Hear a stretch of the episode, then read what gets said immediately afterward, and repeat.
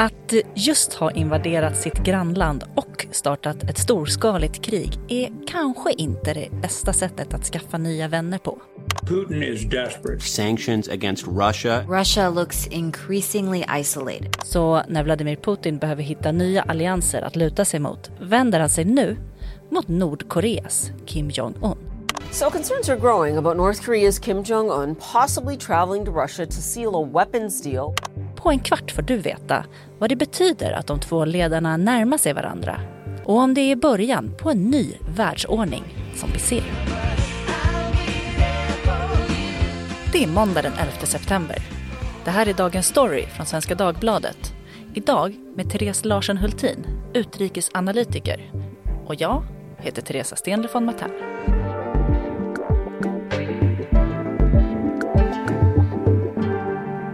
Ja men Therese, vad har Putin för vänner kvar nu egentligen? Ja, men det är ju lätt att sitta här i Europa och tro att det inte är någon förutom möjligen då Kina, för de har ju hört så mycket om att, att Xi Jinping, presidenten och Putin är bästa vänner, säger de ofta. Det.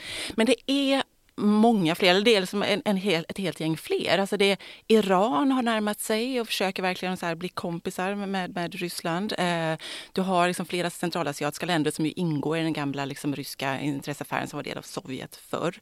Eh, Nordkorea nu då. Talibanerna är en sån där sak som, som helt plötsligt har seglat upp och blivit nära Ryssland mm. trots att talibanerna egentligen är en terrordömd organisation av, av Ryssland.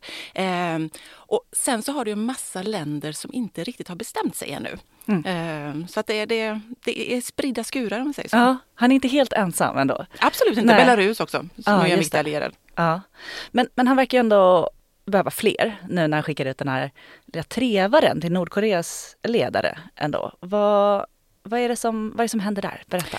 Ja, men det vi ser just nu det handlar om att bygga allianser. Och det är ju då framförallt allianser mot väst och mot USA. Eh, anledningen då att Putin och eh, Kim Jong-Un ska träffas. Och jag skulle säga också att när vi spelar in det här så, så är det fortfarande inte bekräftat från Moskva eller, eller Pyongyang, huvudstaden i Nordkorea. Eh, men, men eh, Vita huset och USA har varit ute och sagt att de har liksom säkra underrättelsekällor på att det är på gång och att det då kommer ske tidigt den här veckan, eller i den här veckan. Eh, och eh, nu tappar jag din fråga. jo men vad han, vad är det som, de, han verkar ju ja, ha flera ja, vänner. Just det, just det. Berätta mer. Ja, det är mänskligt att fela. eh, nej, men, nej men alltså det, det handlar om att bygga allianser. Och då är det liksom mycket enligt devisen min fiendes fiende är min vän. Eh, alltså det här är, Nordkorea är ju extremt isolerat, det är en diktatur, de liksom, det är slutet mot omvärlden. Under pandemin såg vi till och med hur Nordkorea byggde en mur mot Kina och mot Ryssland för de ville stänga in sig. Eh, och Ryssland har dessutom tidigare varit del av de här sexpartssamtalen som ju USA, EU och flera andra länder höll tillsammans med Nordkorea för att förmå dem att inte bygga kärnvapen. Så Ryssland har ju varit lika oroade som alla andra i världen för liksom att, att Nordkoreas kärnvapen. Eh, men nu så har de gemensamma intressen. Vad, vad, är det som, som Ryssland vill ha från Nordkorea nu då? Ja, men förutom då att bygga allianser eh, och mot USA så, så, handlar det ju också om, om, rent konkret här och nu om vapen. Mm. Eh, Ryssland skjuter ju som galningar om man säger så i, i, i Ukraina och mm. behöver jättemycket mer ammunition. Det handlar om pansarvärnsrobotar, det handlar om artillerigranater. Ryssland har ställt om sin industri och producerar jättemycket men det räcker inte. De behöver mer ammunition och det kan Nordkorea förse Ryssland med. Eh, enligt USA och Vita huset så har de redan gjort det tidigare i fjol så att Ryssland fick eh, ammunition då av Nordkorea. Mm. Eh, men man vill ha mer. Åt andra hållet, så Nordkorea är ju extremt isolerat eh, och behöver teknik. Teknik till sina atomubåtar eller för att få atomubåtar möjligen. Jag har inte riktigt koll på om de har det eller inte måste jag erkänna. Eh, och det handlar om, om, teknik till satelliter och så vidare. Och mat. Mm. Eh, Nordkorea är ju liksom, verkar ju vara kronisk svält där. Åtminstone ja. utåt. Man vet ju inte så mycket vad som händer där inne. Just det. Ja, men du nämnde där i början då att Ryssland inte är utan vänner. Eh, men att man ändå nu sträcker ut handen mot Nordkorea och liksom signalerar det? Man tänker så här, är de lite desperata? Jo men alltså ja, eh, absolut. Eh, för de behöver ju, liksom, väst pumpar ju in vapen i Ukraina och det, det, den hjälpen har ju inte Ryssland på samma sätt. Så det är de ju, de behöver ju verkligen den här ammunitionen.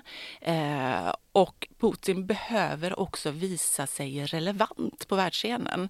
Mm. Han är ju han är, han, han, jag sa innan att han inte är isolerad, men han är ju det ändå för han kan ju inte resa vart som helst. Han kunde till exempel inte resa till Sydafrika på det här BRICS-mötet som det heter det här om veckan. Han kan inte åka till G20-mötet som är i helgen eller var i helgen när, när det här sänds. Eh, utan han måste ju få folk som kommer till honom. Eh, och det är jätteviktigt för honom att visa sig relevant på världsscenen och att han fortfarande är någon att räkna med. Eh, så att ja, ja och nej. Desperation och, och liksom visa relevans. Just det. Uh, du har skrivit en artikel i Svenska Dagbladet där du skriver att det här uh, mötet som är på tapeten är en del av en ny världsordning som håller på att forma sig. Mm. Berätta lite mer. Ja, men det vi ser just nu är ju ett jättestort pussel som läggs där man försöker hitta nya liksom, allianser, nya kompisar.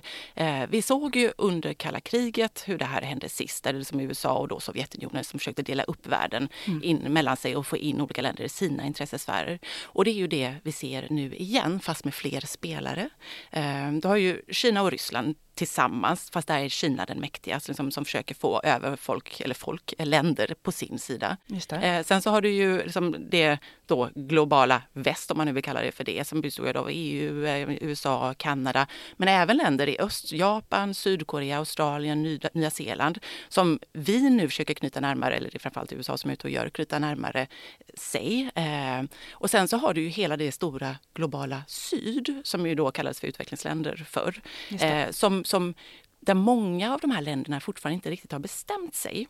Eh, och det finns också en stor ilska bland många av de här länderna i globala syd. Jag intervjuade Fiona Hill eh, i våras som är, hon var Donald Trumps säkerhetspolitiska rådgivare och har jobbat för flera presidenter i Vita huset. En väldigt tung, så här, eh, kunnig, eh, framförallt Ryssland-expert. Men, mm. men, och hon, och hon vittnade för övrigt mot honom måste jag säga för det är lite pikant. Ja, men det är en helt annan mot Donald Trump, ja, i den här första impeachment. Ja, I alla fall, eh, annan historia. Mm. men, men hon sa att, att det finns en stor ilska bland de här länderna i globala syd.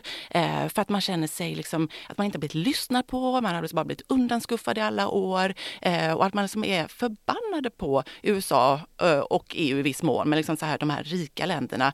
Eh, inte minst för att liksom, vad är det här, krig i Ukraina och ni som skickar dit hur mycket som helst, vi har hur många krig som helst och ni bryr er inte om oss. Mm. Eh, och de här länderna försöker just nu, både Kina, Ryssland och Indien, eh, som också vill vara med och vara en stor spelare, liksom knyta närmare till sig och, liksom, och få eh, täta relationer med. China has invested billions of dollars into the continent of Africa. President Vladimir Putin hosted leaders from Africa. Is India's influence in Africa growing? Så vi har syd, väst och öst då, om vi kallar det för det. Hur ser relationerna ut mellan de här? Ja, där är ju också liksom massa, liksom, eh, massa mm, ja, vad ska man kalla det för, eh, relationsbyggande just nu. Mm. Eh, bara, bara tillägga det förra också, att, att, vi ser ju till exempel inga av länderna i Afrika, mm. inga av länderna i Sydamerika har eh, som lagt sanktioner mot Ryssland. Mm en sån liten detalj. Liksom. Det är medans, intressant. Ja, medan vi här i Europa tycker att ja, men alla är väl emot. Men, men, så, men så är det som sagt inte. Nej, men vi ser till exempel då eh, Indien och Kina är ju sådana här stora rivaler. Eh, eh, det var ju G20-möte nu i helgen i Delhi dit Xi Jinping inte kom. Eh, bland annat så tror man, ah, och han brukar alltid komma på alla G20-möten, det är väldigt viktigt för Kina. Men man tror att en stor del kan ha varit då att eftersom Modi, Indiens premiärminister, står värd så vill inte Xi komma dit och liksom ge honom den segern den fjädern i hatten. Mm. Eh, samtidigt så ser vi hur Indien eh, liksom samarbetar med Kina i det som kallas för BRICS, alltså Brasilien, Ryssland, Indien, Kina, Sydafrika, som ju blev stora under den här krisen 2010, som då bildades den sammanslutningen som en motvikt mot G7, mm. eh, som är de industriella länderna. Eh, och vi ser att hur Indien samarbetar med Kina, det som heter Shanghai Cooperation Organization, också så här, som försöker bli en motvikt. Eh, så vi ser flera nya organisationer som bildas för att liksom då eh, skapa en världsordning där USA inte leder. Liksom. Hitta mm. andra samarbetsformer. Och du var inne på det att öst har uppvaktat då, Mm. eh, liksom, eh, syd då Mm. för att försöka få in dem i deras gäng. Väst, är vi inte så intresserade av det? eller har vi liksom Eh, glömt jo, bort dem? ja eller? och nej. Alltså, det, vi ser vissa initiativ. Eh, som att USA försöker just nu liksom ha ett nytt avtal med Saudiarabien som ju är en gammal allierad men som har närmat sig Kina på senare år. Nu försöker liksom, eh, USA dra tillbaka Saudiarabien nästa desperat. Liksom så här, ni får mer vapen av oss om, vi, liksom, om ni lovar att inte ha så nära liksom, band med, med Kina. Eh, vi såg hur Frankrike var ute i, eh, häromdagen när Macron varnade för att det finns massa ryska påverkansförsök på de här länderna på Balkan till exempel som gärna vill vara med i EU. Eh, så att vi bör nog ta med dem snabbt innan Ryssland lyckas. Samtidigt som de här enstaka grejerna händer så finns det också en eh, det är precis som att väst inte riktigt klarar av att, att se det här och, och att, att göra det som kanske krävs för att man är så upptagen av alla sina inre slitningar. Du har ju liksom polarisering i våra samhällen, en, en skenande inflation som är väldigt jobbig att hantera, liksom, eh, alla de här vapen och pengarna som ska skickas till Ukraina, rädslan för Putin och så vidare som gör att man inte riktigt kanske är ute och knyter de här banden som möjligen egentligen skulle behöva göras nu, liksom när, om då världen håller på att dela upp sig igen. Ja. Ehm, så att, att det, ja, det, det, det pågår lite men, men ändå inte. För, för det låter ju lite oroväckande måste jag ändå säga. Det här. Det är Ja. lätt att associera till liksom, kalla krigets Ja. eh, glansdagar. Ja, man absolut. Inte säga, alltså, verkligen, jag håller helt med. Och, jag- och Fiona Hill då, som jag refererade till innan, hon var också inne på det här med att, liksom, att, inte, eh, att man inte mäktar med. Och hon varnade då dessutom, vilket ju är lite bekant för en andra Donald Trump eh, presidentskap. Eh, men att, att, eh, att det kan göra att det här blir jag vet inte om man ska använda ordet värre, men att det blir ännu tydligare. Liksom, eftersom han är ganska alltså, isolationistisk och liksom vill hålla USA utanför så mycket som möjligt. Att då skulle han verkligen inte engagera sig. North Korea best not make any more threats to the United States. They will be met with fire and fury.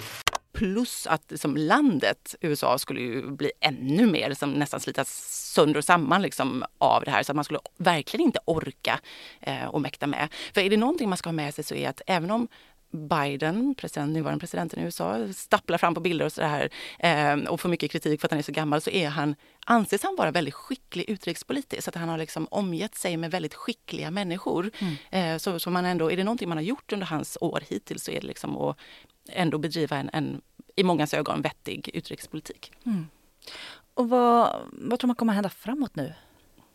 Ja, alltså det, det här positionerandet kommer ju absolut att fortsätta. Jag skulle säga att det accelererar. Eh, vi ser mängder av militärövningar också. Till exempel eh, Ryssland, Iran, Kina håller militärövningar. Eh, det kom uppgifter från Sydkorea liksom i veck förra veckan att, att eh, även Nordkorea vill vara med och öva med dem där. Eh, så att, eh, mer alliansbyggande, mer liksom visa musklerna inför varandra och eh, tyvärr tror jag djupare liksom, klyftor mellan de olika de här tre maktblocken du pratar om, eller, eller tre sfärerna ska man säga. Och till sist då, det här mötet då mellan Putin och Kim Jong-Un. Eh, vad tycker man i väst om det? Kan det vara liksom en katalysator för att man börjar mobilisera mer? Eller vad? Möjligen, möjligen. Alltså, jag tror att varenda sån här pusselbit som läggs på plats gör att, att mönstret blir ännu tydligare och att man kanske måste börja hantera det också. Mer. Du, tack Therese för att du var med i Dagens Story. Tack, alltid lika kul.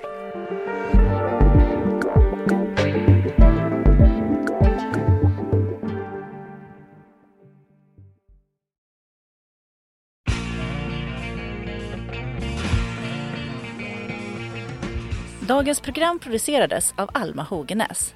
Redaktör var Stina Fischer. Och jag, jag heter Teresa Stenler från Matern. Vill du mejla oss? Gör det! Då skickar du ett mejl till dagensstory.svd.se. Och klippen i dagens program kom från CNN, HBO, MSNBC, NPR, Now This Originals, TRT World och NBC News.